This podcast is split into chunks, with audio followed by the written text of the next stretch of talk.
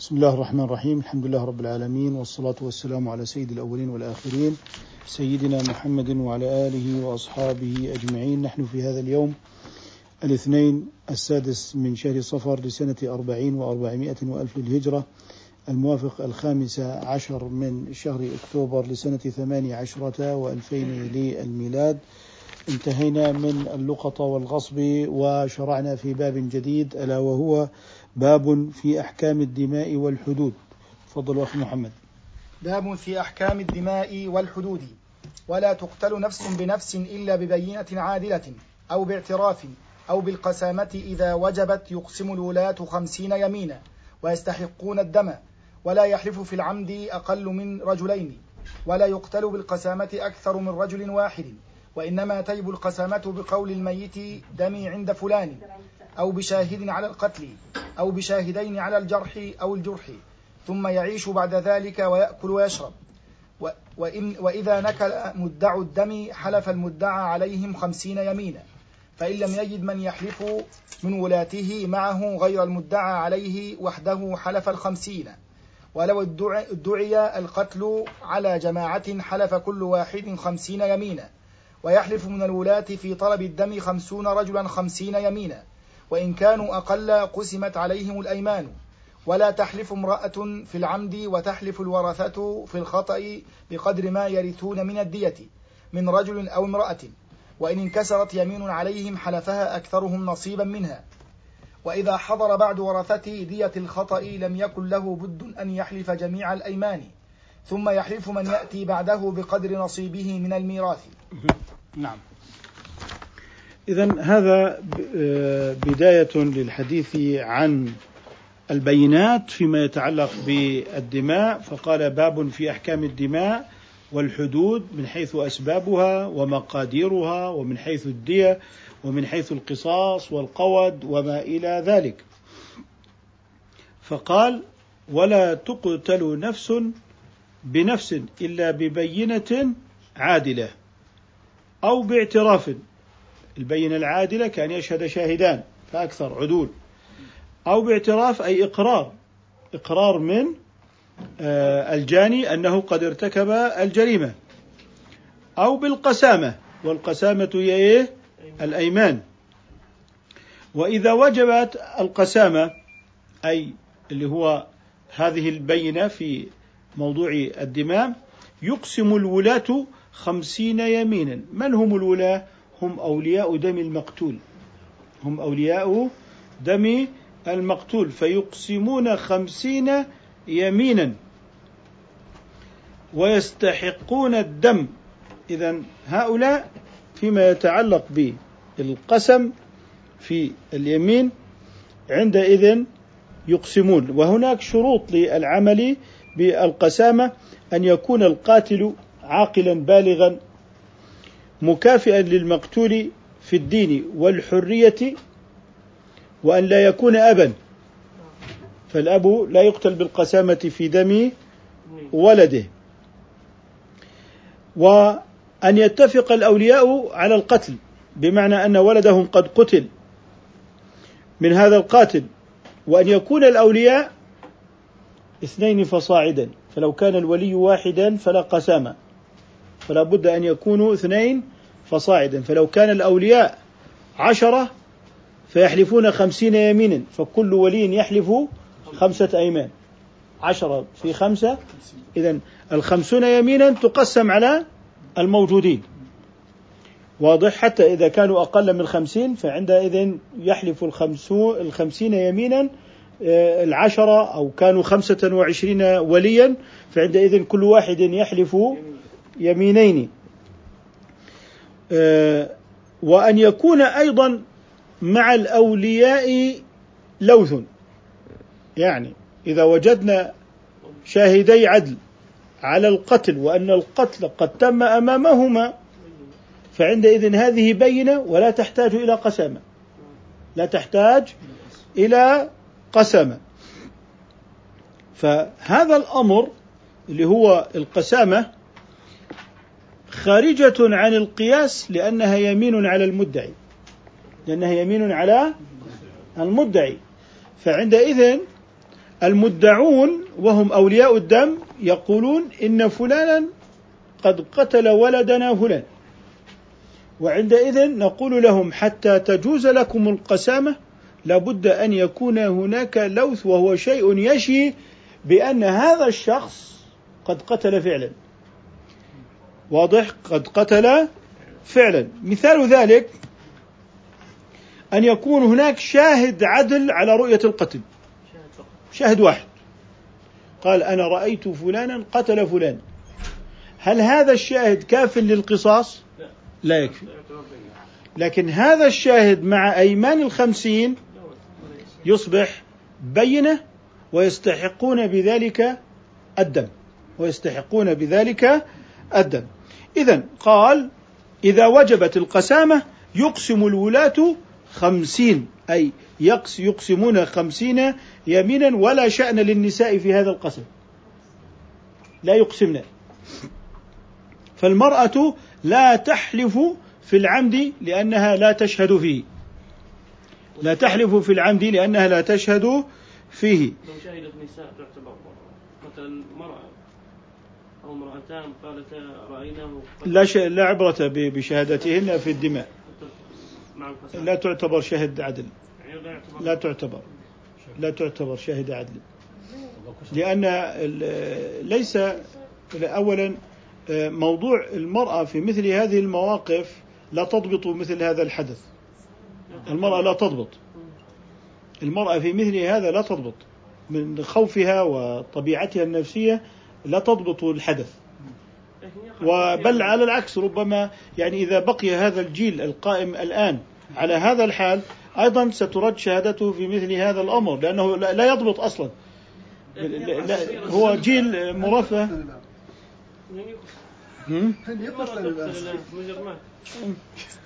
لا ليست قياسا. ليست قياسا. ولكن هذا من همالة الرجال. إيه لهمالة الرجال. إيه الرجال قعدوا.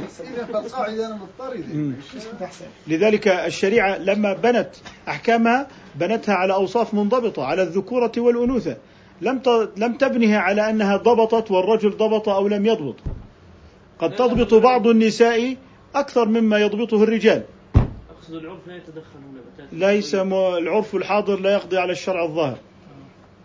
لذلك لا يعني حتى لو وجدت بعض النساء يمكن أن تكون يعني قادرة على مثل هذا فالتشريع لا يرتبط بالأشخاص والأفراد. يعني لا يتغير التشريع بتغير الأفراد. يعني لو جئت إلى القانون يقول لك نحن نضع القاعدة القانونية شاملة. لا تقول لي تتغير آه، بفلان أو تتغير بشخص. لذلك أحيانا بعض القانونيين يقول لك آه، في القانون لا يوجد زينب. زينب يعني واحد له اعتبار معين. نحن عندما نضع القانون نضعه للجميع بدون استثناء. فلذلك الشريعة لما جاءت إنما جاءت على مراعاة أوصاف ظاهرة منضبطة ولم تقم على أوصاف خفية هذا ضبط لا آه، اقبلوا شهادته. اعمل تجارب انظر هذا يضبط أم لا يضبط. آه، لا لم تقم هذا الأمر إنما بنت أحكامها على أوصاف ظاهرة منضبطة. وهناك من يريد أن يأتي على الأوصاف الظاهرة فيقصيها. ثم يأتي بعد ذلك بأوصاف خفية وينيط الشريعة بأوصاف خفية. لذلك الشريعة بنت أحكامها على أوصاف منضبطة، يعني الإنسان يبلغ قبل أن قبل الإنزال. والمرأة تبلغ قبل الحيض، هي حاضت لأنها بلغت. الشرع لم ينط الحكم بأوصاف تتعلق بالبدن وهي خفية علينا بل بنت الأحكام على أوصاف منضبطة. إذا لابد أن يكون الشاهد عدلا ذكرا ذكرا بالغا وأن يكون المتهم كذلك. المتهم بالقتل أن يكون ذكرا عاقلا بالغا بالغا كذلك. طيب لأنه في استحقاق قصاص. امرأة آه. إيه؟ يعني ممكن يكون القاتل. قاتل. آه قاتل امرأة قال ويستحقون الدم ولا يحلف في العمد أقل من رجلين. ولا يحلف في العمد أقل من رجلين.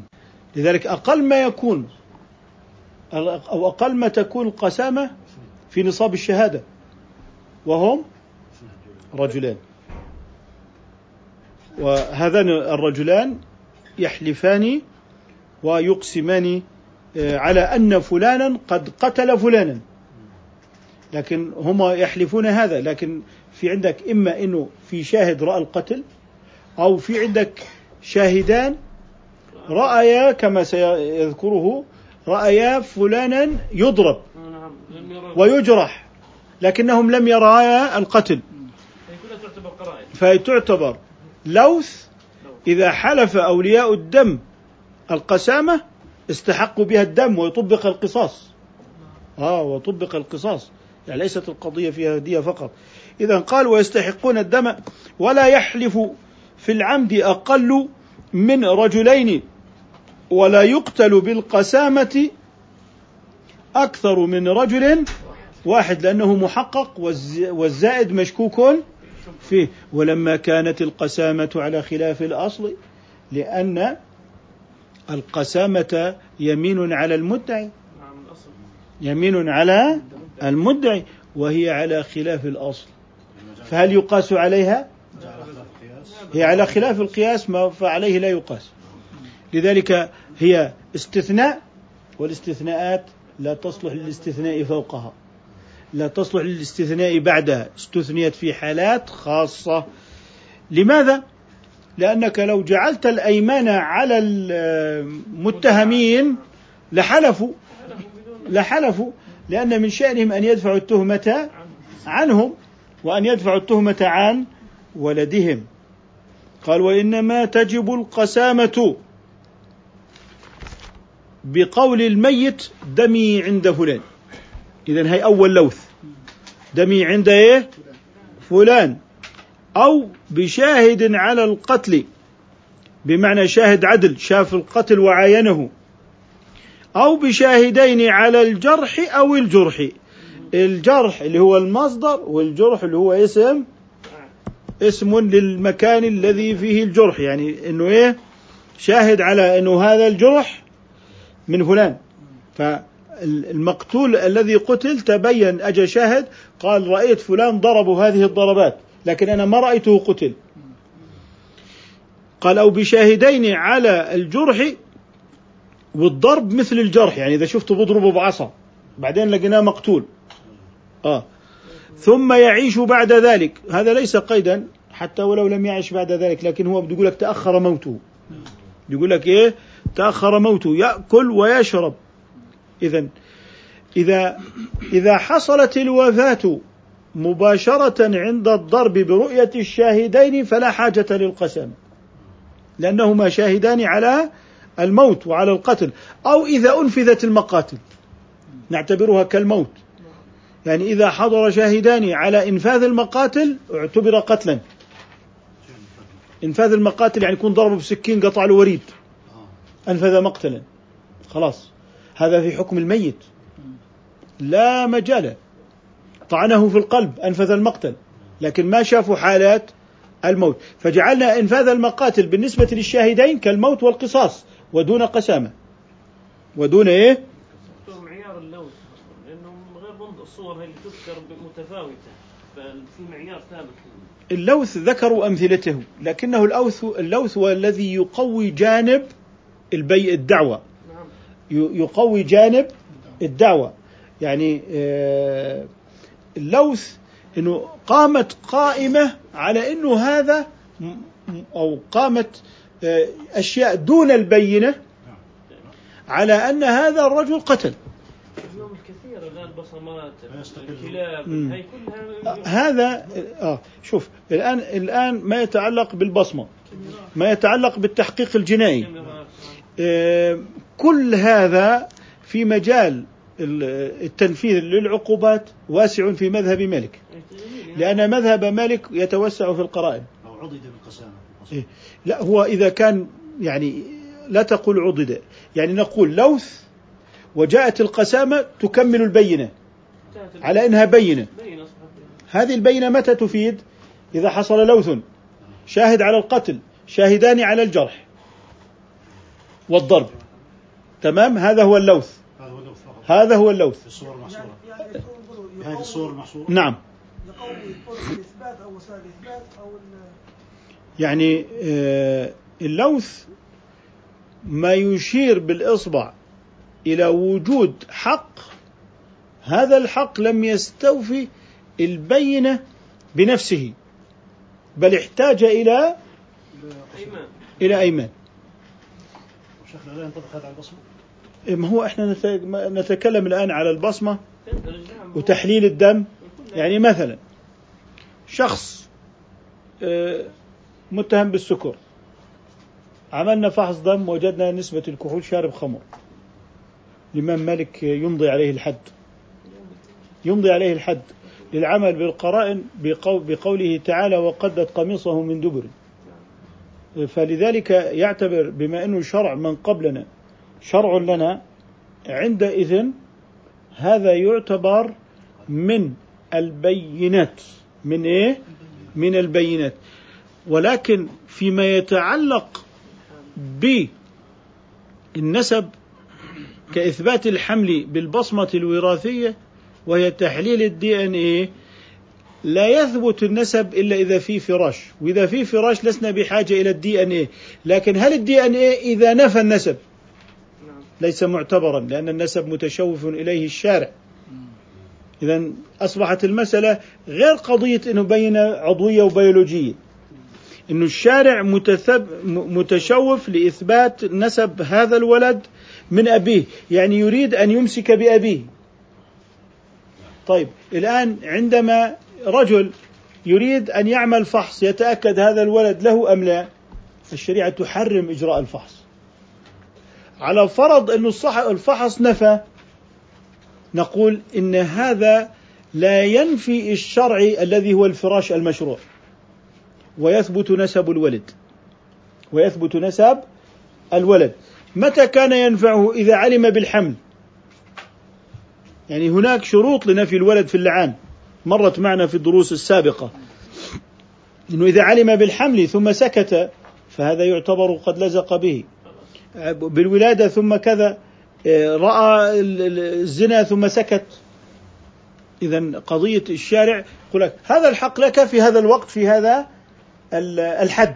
أما بعد ذلك كل واحد يأتيك وأنا أريد أن في نسب فلان ونسب فلان وما إلى ذلك. هذا سيعني التلاعب بالأنساب وتعلمون ما قيمة الأنساب وما ينشره من تحريم بين في الزواج وما فيه من الحقوق. فلا تريد الشريعة أن تصبح المختبرات البيولوجية وسيلة للتلاعب في أمور شرعية في مثل خطورة النسب في مثل خطورة النسب يعني في بعض البلدان الغربية في سيارة تطوف بالطرقات مثل بائع ال- ال- الحلويات وبائع الغاز عندنا. من يريد أن يعمل فحص ال DNA له ولولده طبعا آه، نصها طلعت مضروبة. بل أكثر من النصف. هي كائنات بيولوجية. لما تخلت عن الدين لم يبقى شيء يحترم. يعني أنت تخليت عن الدين. ما الذي سيجعل من الحياة فيها شيء مقدس؟ إذا تحول الإنسان إلى كائن بيولوجي ويتكاثر مثل البكتيريا. البكتيريا تتكاثر بدون عقود زواج.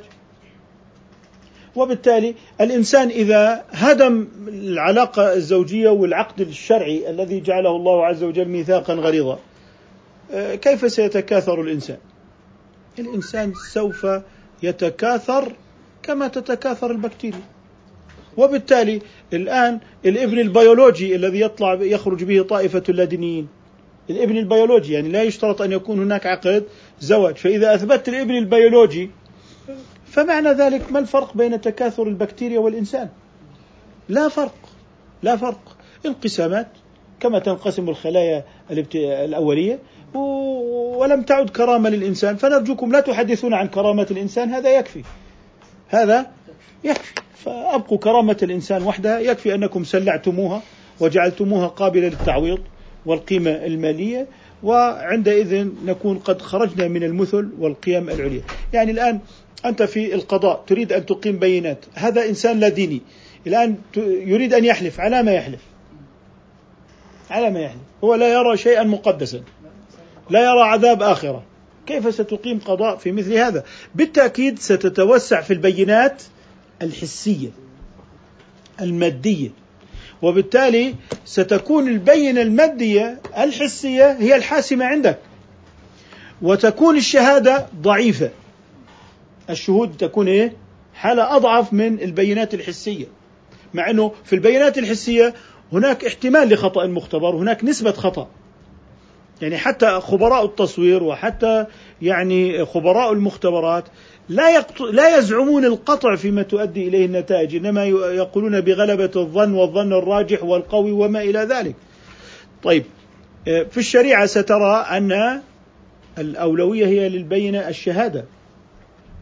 هي إيه؟ الشهادة، لماذا؟ لأنه مجتمع متدين ويضع يده على المصحف ويحلف ويدرك عقوبة يمين الزور وبالتالي ستصبح الشهادة لها قيمة طيب فإذا كان المجتمع إلحادي ماذا تعني؟ أنه يحلف على ماذا؟ إذا كان لا يوجد مقدس أصلا إذا كان لا يوجد مقدس أصلا ولا يعترف بشيء مقدس. إذا آه، سيتوسع في البيانات المادية ونحن لا غضاضة عندنا لو توسعنا في البيانات المادية.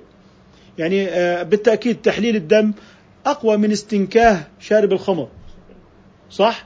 يعني شارب الخمر يشم فإذا ادعى إذا وجدناه قد شرب الخمر فإنه يجلد.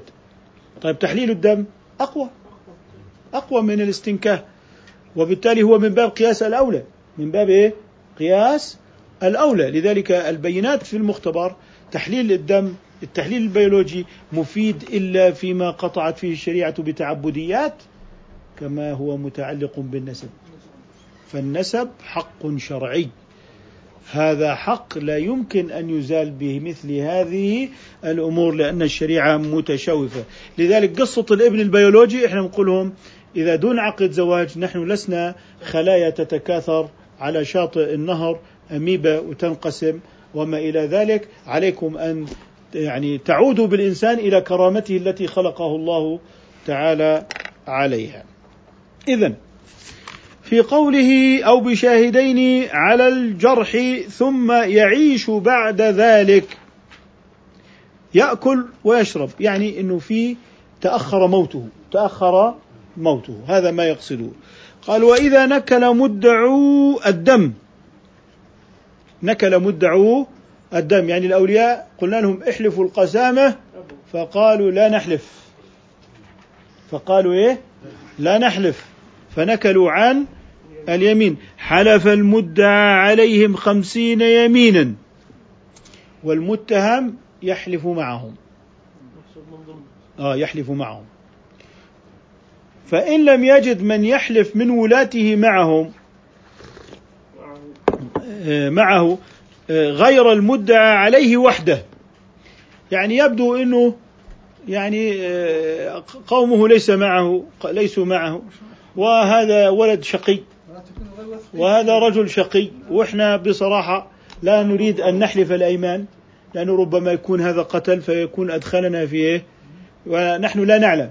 يحلف وحده. يحلف وحده خمسين يمينا. واضح؟ إذا آه، فإن فإن أبى عندئذ إذا أبى يحبس ويضرب حتى يحلف. لذلك لابد أن آه، يحلف ويضيق عليه ويحبس ويؤدب ويضرب حتى يحلف. لأننا نحن أمام لوث. أمام لوث بما أنه قاتل. يعني ربما نحن نختلف نقيم وزنا للبينات أكثر من الوجدان. نحن نقول إن القضاء الوضعي القضاء الوضعي يعتمد البينات لا شك في هذا. لكن القضاء الوضعي في مجال الوجدان سيحكم في النهاية بما استقر عليه ضمير المحكمة بناء على المشاهدات. ضمير المحكمة. الشريعة لا تعرف شيئا يسمى ضمير المحكمة. عندك بينات احكم على ضوء البينات. ضمير ما استقر في النفس لأن هذا لا يجوز. لذلك في موضوعات الشريعة النبي صلى الله عليه وسلم يقول له فأقضي على نحو ما أسمع. إذا على البينة. ولا يقضي على ما يجده من ذوق وميل إلى بينة هذا أو إلى بينة ذاك. إذا قضية التفتيش على القلوب والاتهام بناء على الوجدان ما زالت كامنة في القضاء الوضعي الذي ورث ذلك عن الكنيسة. أن يفتش ويحكم بناء على الوجدان وبناء على ما في النفس. لكن الشريعة لا تقبل ذلك حتى لو حصل القطع في النفس. كما فعل النبي صلى الله عليه وسلم مع المنافقين. نهى أن يفتش عليهم وعلى عقائدهم وعمل وعمل معهم على الظاهر مع علمه علما تاما بأن هؤلاء أسوأ من الكافرين الذين يحاربهم. أسوأ من الكافرين الذين يحاربهم. وقال أتريدون أن يقال في العرب إن محمدا يقتل أصحابه؟ إنما يرسل النبي صلى الله عليه وسلم قاعدة في الجنايات. أنك لا تحكم إلا بالبينات وأن هذا هو السبيل لاستقرار المجتمع. فلو أنه قد نزل وحي من السماء وقد نزل بأن هؤلاء القوم قد قالوا كلمة الكفر ولقد قالوا كلمة الكفر وهموا بما لم ينالوا والوحي يثبت ذلك وهو قاطع. لكنه لما لم يكن الوحي ظاهرا ومن البينات الظاهرة. لم يعتبر النبي صلى الله عليه وسلم الوحي بينة لماذا؟ لأن الوحي أمر خفي وإن كان هذا قد صدق وهذا هو كلام الله يتلى كلام الله يتلى فلا يجوز لكم أن تطبقوا في القضاء إلا قانون البينات الشرعي. ولو كان لأحد أن يفتش على قلوب الناس. وأن يحاكم على القلوب لكان رسول الله صلى الله عليه وسلم الذي أخبره الوحي القاطع بأن هؤلاء ولقد كفروا. أنهم قد كفروا. وكفروا بعد إسلامهم. وهموا بما لم ينالوا اذا عليك أن تقيم القضاء في استقرار المجتمع على بينات واضحة ومشاهدة وليس على ما يستقر في الوجدان قال ثم يعيش بعد ذلك يأكل ويشرب. طبعا الأكل هو الشرب هنا ليس شرطين. بمعنى أنه نقول لا هو لا ما أكل ولا شرب. لا إنما المقصود هو تأخر الموت فقط. تأخر الموت فقط يوما فصاعدا فعندئذ نقول إنه هنا يعتبر لوث. طيب فإن لم يجد من يحلف من ولاته معه غير المدعى عليه وحده حلف الخمسين. حلف الايه الخمسين. اللي هو الذي اتهم بالقتل. قال ولو ادعي القتل على جماعة حلف كل واحد خمسين يمينا. ولماذا لأن كل واحد مدعى عليه. يعني زعموا أن الذي قتل فلان هم فلان وفلان وفلان. فعندئذ لابد أن يحلف هؤلاء المتهمون قال ولو ادعي القتل على جماعة حلف كل واحد خمسين يمينا ويحلف من الول... اللي هم طبعا هنا كل واحد خمسين يمينا من مين؟ من المدعى عليهم. آه من المدعى عليهم لأنه صار كل واحد مدعى عليه. ويحلف من الولاة في طلب الدم خمسون رجلا خمسين يمينا. وإن كانوا أقل هذا ما قلنا قسمت عليهم الأيمان.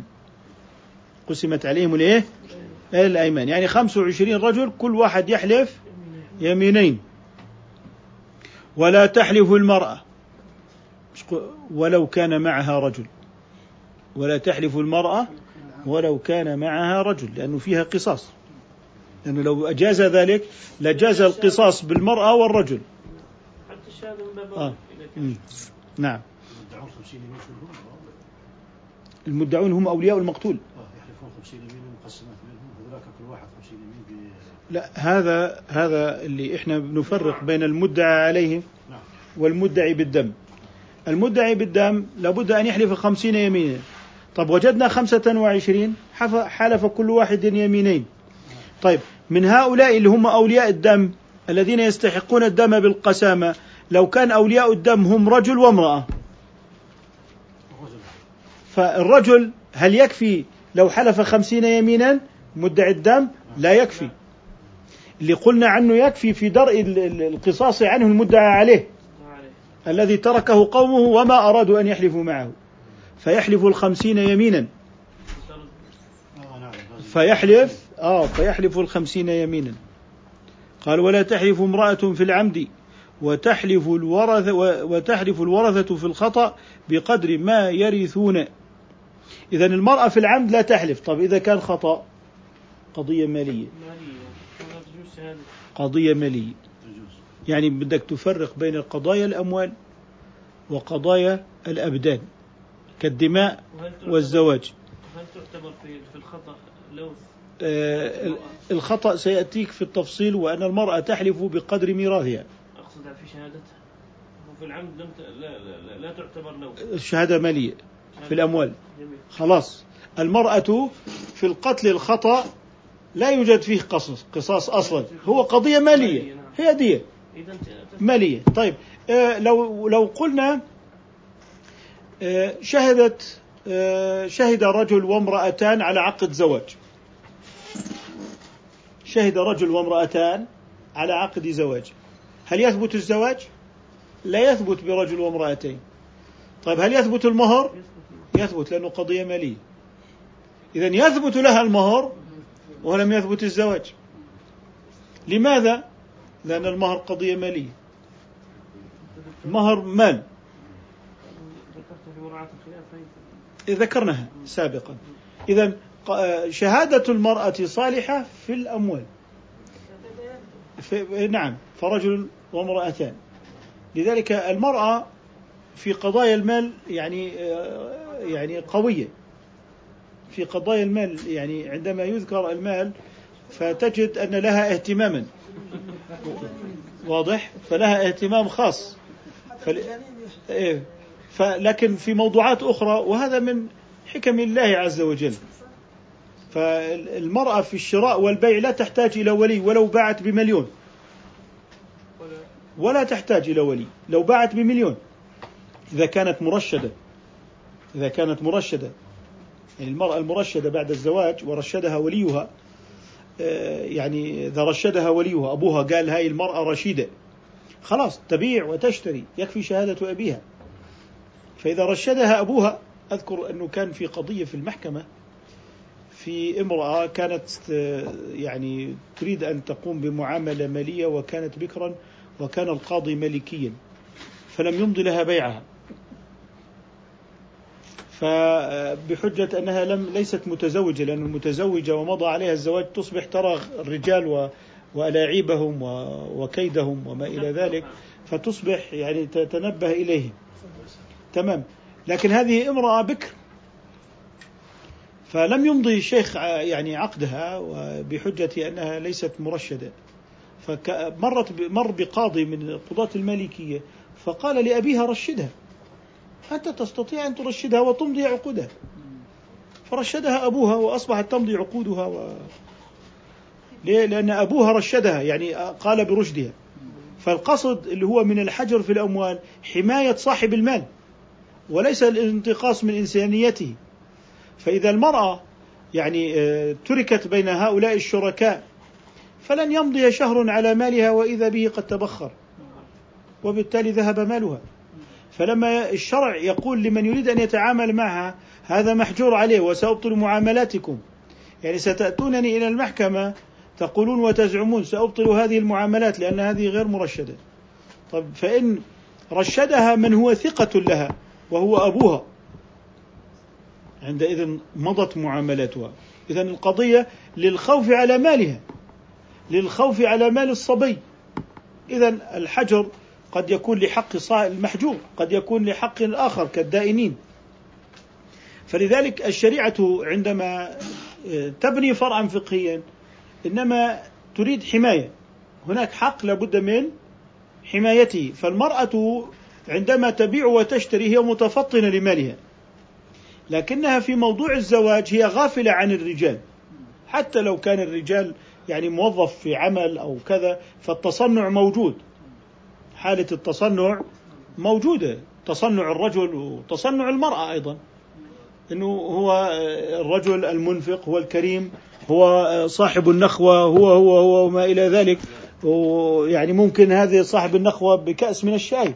يعني يطوف به على المجموعة وإنه هو أصبح من الكرماء وشجعان العرب ويسابق حاتما في في كرمه ولكنه في الحقيقة على خلاف ذلك لذلك ممكن أن تنخدع المرأة.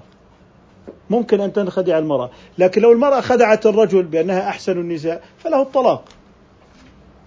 طيب لو الرجل هو الذي خدع فتصبح الأمور ضيقة على المرأة. وبالتالي الخديعة في إنه اذا خدعت ولا لا هو إذا الرجل لا يحتاج إلى ولي في الزواج. الرجل خلاص يتحمل مسؤوليته الشرع أعطاه الطلاق فإذا كان الأمر ليس كما تريد طلق وخذ كل يأخذ حقوقه. تصنعت بأشياء لكن بعد الزواج وجدت غير موجودة. آه، إذا كان التصنع في آه، خلينا نقول إخفاء عيوب تؤثر في الزوجية آه خلاص. هذه تعتبر أنه مسؤوليته وهو خدع وبيستاهل. نعم. هو خدع ويستاهل. مخرج لك لا لا هو خدع ويستاهل. ما أعرف إذا حدا عنده فلذلك الشريعة آه، احتاطت للمرأة كثيرا لحراستها. ولذلك جعلت الأمر إلى الولي لتحمله المسؤولية. إنه أنت تعرف الرجال سيأتيك هذا الرجل وستختبره وبما أنكم في يعني ميدان الرجولة وقد عركت قبله رجالا كثيرين وتبين لك الصادق وتبين لك الكاذب وأصبحت تكتشف التصنع من الحقيقة وما إلى ذلك فالأمر عليك أن تختبر هذا الرجل وعندئذ تصبح يعني المسألة في موضوع الوقوع في الخطر أو ضياع مال المرأة أو ضياع مال الرجل فتجد أن هذه يعني الشروط الزائدة في الزواج إنما هي للحماية. لكن في موضوع الأموال ليس لأحد أن يعترض عليها في المعاوضات. باعت سيارتها باعت شقتها هذه آه، أموالها. لكن دائما إحنا بنقول دائما البيوت مبنية على قوله تعالى وأتمروا بينكم بمعروف. دائما يكون في التشاور الموادة حتى أنت كرجل لو أبرمت بيعا لن يشترط لك موافقة الزوجة في المحكمة. لكنك تشاور أهلك تشاور أهل بيتك تشاور أبنائك تعلمهم الرأي تعلمهم أنهم مسؤولون وهكذا. إذا هذا هو الذي يعني تبنى عليه البيوت تبنى على الإحسان وتبنى على الاعتبار للكل ولا تبنى على أساس أنه لي حق ولك حق. لي حق ولك حق هذا عندئذ ستصبح البيوت جافة. البيوت جافة يعني الرجل يعني يطلب من زوجته أنا حقي عليك. هي تقول أنا حقي عليك. هذه ليست بحياة. هذه ليست مودة. لذلك لابد أنه يبنى الزواج على الاحترام والرغبة وهذا لا ينقص قيمة الرجل. أنه يكون يعني يتعامل مع أهله باحترام وتقدير وإكبار وإجلال وكذا. بالعكس هذا سيريح الجميع ويجعل أن البيت بيت قائم على الاحترام وإن شاء الله يقتدي الأولاد بذلك. وهذا هو الذي تبنى عليه البيوت ولا تبنى على موضوع العقد ورقم العقد وتاريخه وما إلى ذلك. فلذلك لابد أنه بناء البيوت على العواطف الصادقة والأمينة والميثاق الغليظ الذي جعله الله عز وجل بين الزوج والزوجة وهذا هو أخطر عقد يقوم به الإنسان في حياته. وبالتالي المرأة مهرها عقد الزواج في المهر خمسة ألاف ولا عشرة ألاف ولا ألف ولا ألفين لابد أن يكون هناك الولي لأن الشريعة تقوم على حماية الضعيف دائما. الاحتياط للطفل لمال الطفل الاحتياط لمال اليتيم الاحتياط كله مبني على الاحتياط للميت الذي ترك وادعي أن عليه دين. هذا في باب القضاء إن شاء الله تعالى. إذا ولا تحلف امرأة في العمد. العمد ما في حلفان للمرأة. لا تجوز شهادتها فيه قال وتحلف الورثة في الخطر في الخطأ بقدر ما يرثون من الدية من رجل أو امرأة. إذا كلهم إيه؟ يحلفون ويحلفون بقدر حصصهم من الميراث. بقدر حصصهم من الميراث. قال وإن كسرت يمين عليهم حلفها أكثرهم نصيبا منها يعني نفترض الآتي. آه، فيما يتعلق بالميراث. نفترض أن رجلا ترك ولدا وبنتا وقتل قتل خطأ وقام لوث أنه هذا دهس أبونا. هذا هو. هذا اللي دهسه بالسيارة. وقام لوث. أنه شفت السيارة وإلى آخره. الآن عنده ولد وبنت. والولد والبنت بالغان. الآن الولد بده يأخذ حصتين والبنت بدها تأخذ حصة مش هيك؟ نعم. صار عندي ثلاث حصص. طيب وعندي خمسين يمين. الولد بيطلع نصيبه ثلاثة وثلاثين فاصلة ثلاثة. يعني من الخمسين اقسمهم على ثلاث حصص. اللي بيطلع بتضربه بحصة الولد كم؟ حصتين. وتضربهم باثنين. كم بيطلع معك؟ ثلاثة وثلاثين فاصلة ثلاثة. تمام؟ البنت بيطلع لها كم؟ 16.6 لاحظ الكسر. الكسر اللي طلع عنا. البنت طلع في كسرها كم؟ 16.6 الكسر تبعها كم؟ 6 طب والولد طلع فاصل الكسر تبعه 33.3 قالوا اللي كسره أكبر. البنت. اليمين اللي هي المتممه للخمسين على البنت. على مين؟ على البنت بحسب الكسر لأنه كسرها أكبر. آه الكسر تبعها إيه؟ وإن انكسرت يمين عليهما حلفها أكثر حلا أكثرها أكثرهم نصيبا. يعني المفروض الكسر من اليمين المكسورة. من كسر كسر. يعني عندي عندي يمين 33 يمين و16 يمين. كم بيطلعوا؟ الكسر يحفي يحفي الكسر الكسر البنت بيطلعوا ستة. كسر الولد بيطلعوا ثلاثة. لاحظ. الآن عليهم الولد والبنت كم يمين؟ عليهم خمسون يمينا. تمام؟ الآن الول... الحصة الواحدة مثلا بتطلع سين الولد ضرب اثنين. طيب اثنين سين.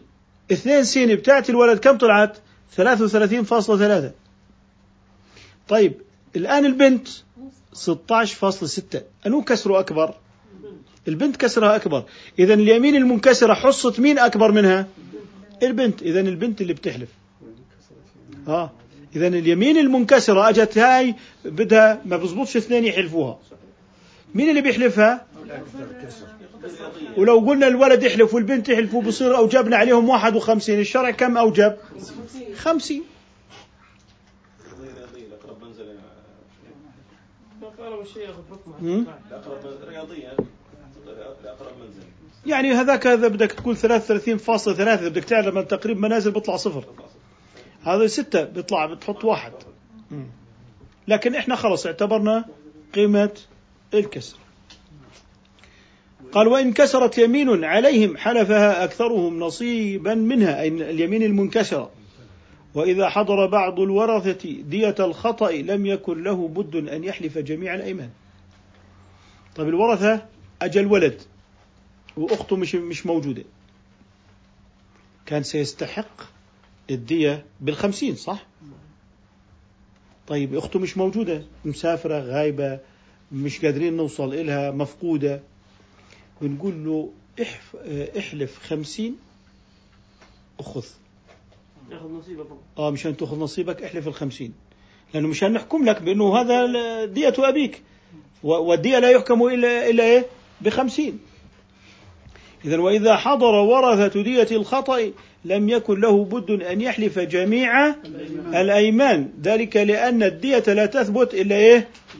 بعد ثبوت القتل. ثم يحلف من يأتي بعده بقدر نصيبه. كل واحد بيجي قديش أنت نصيبك من الميراث؟ حسب النسبة. لكن أول واحد كامل حلفنا الخمسين لأنه حتى نثبت الدية لأن بعضهم لم يكن موجودا الذي لا يحلف لا يستحق شيء. الذي لا يحلف لا يستحق. شيء من الموالد لا لا لا يستحق. والحمل والصبي كل لين يكبر إلى أن يكبر التي إلى أن يكبروا عجيب. إيه، كله. لابد هي استحقاقات أموال. نكتفي بهذا القدر إن شاء الله تعالى. سبحانك اللهم وبحمدك نشهد أن لا إله إلا أنت نستغفرك ونتوب إليك.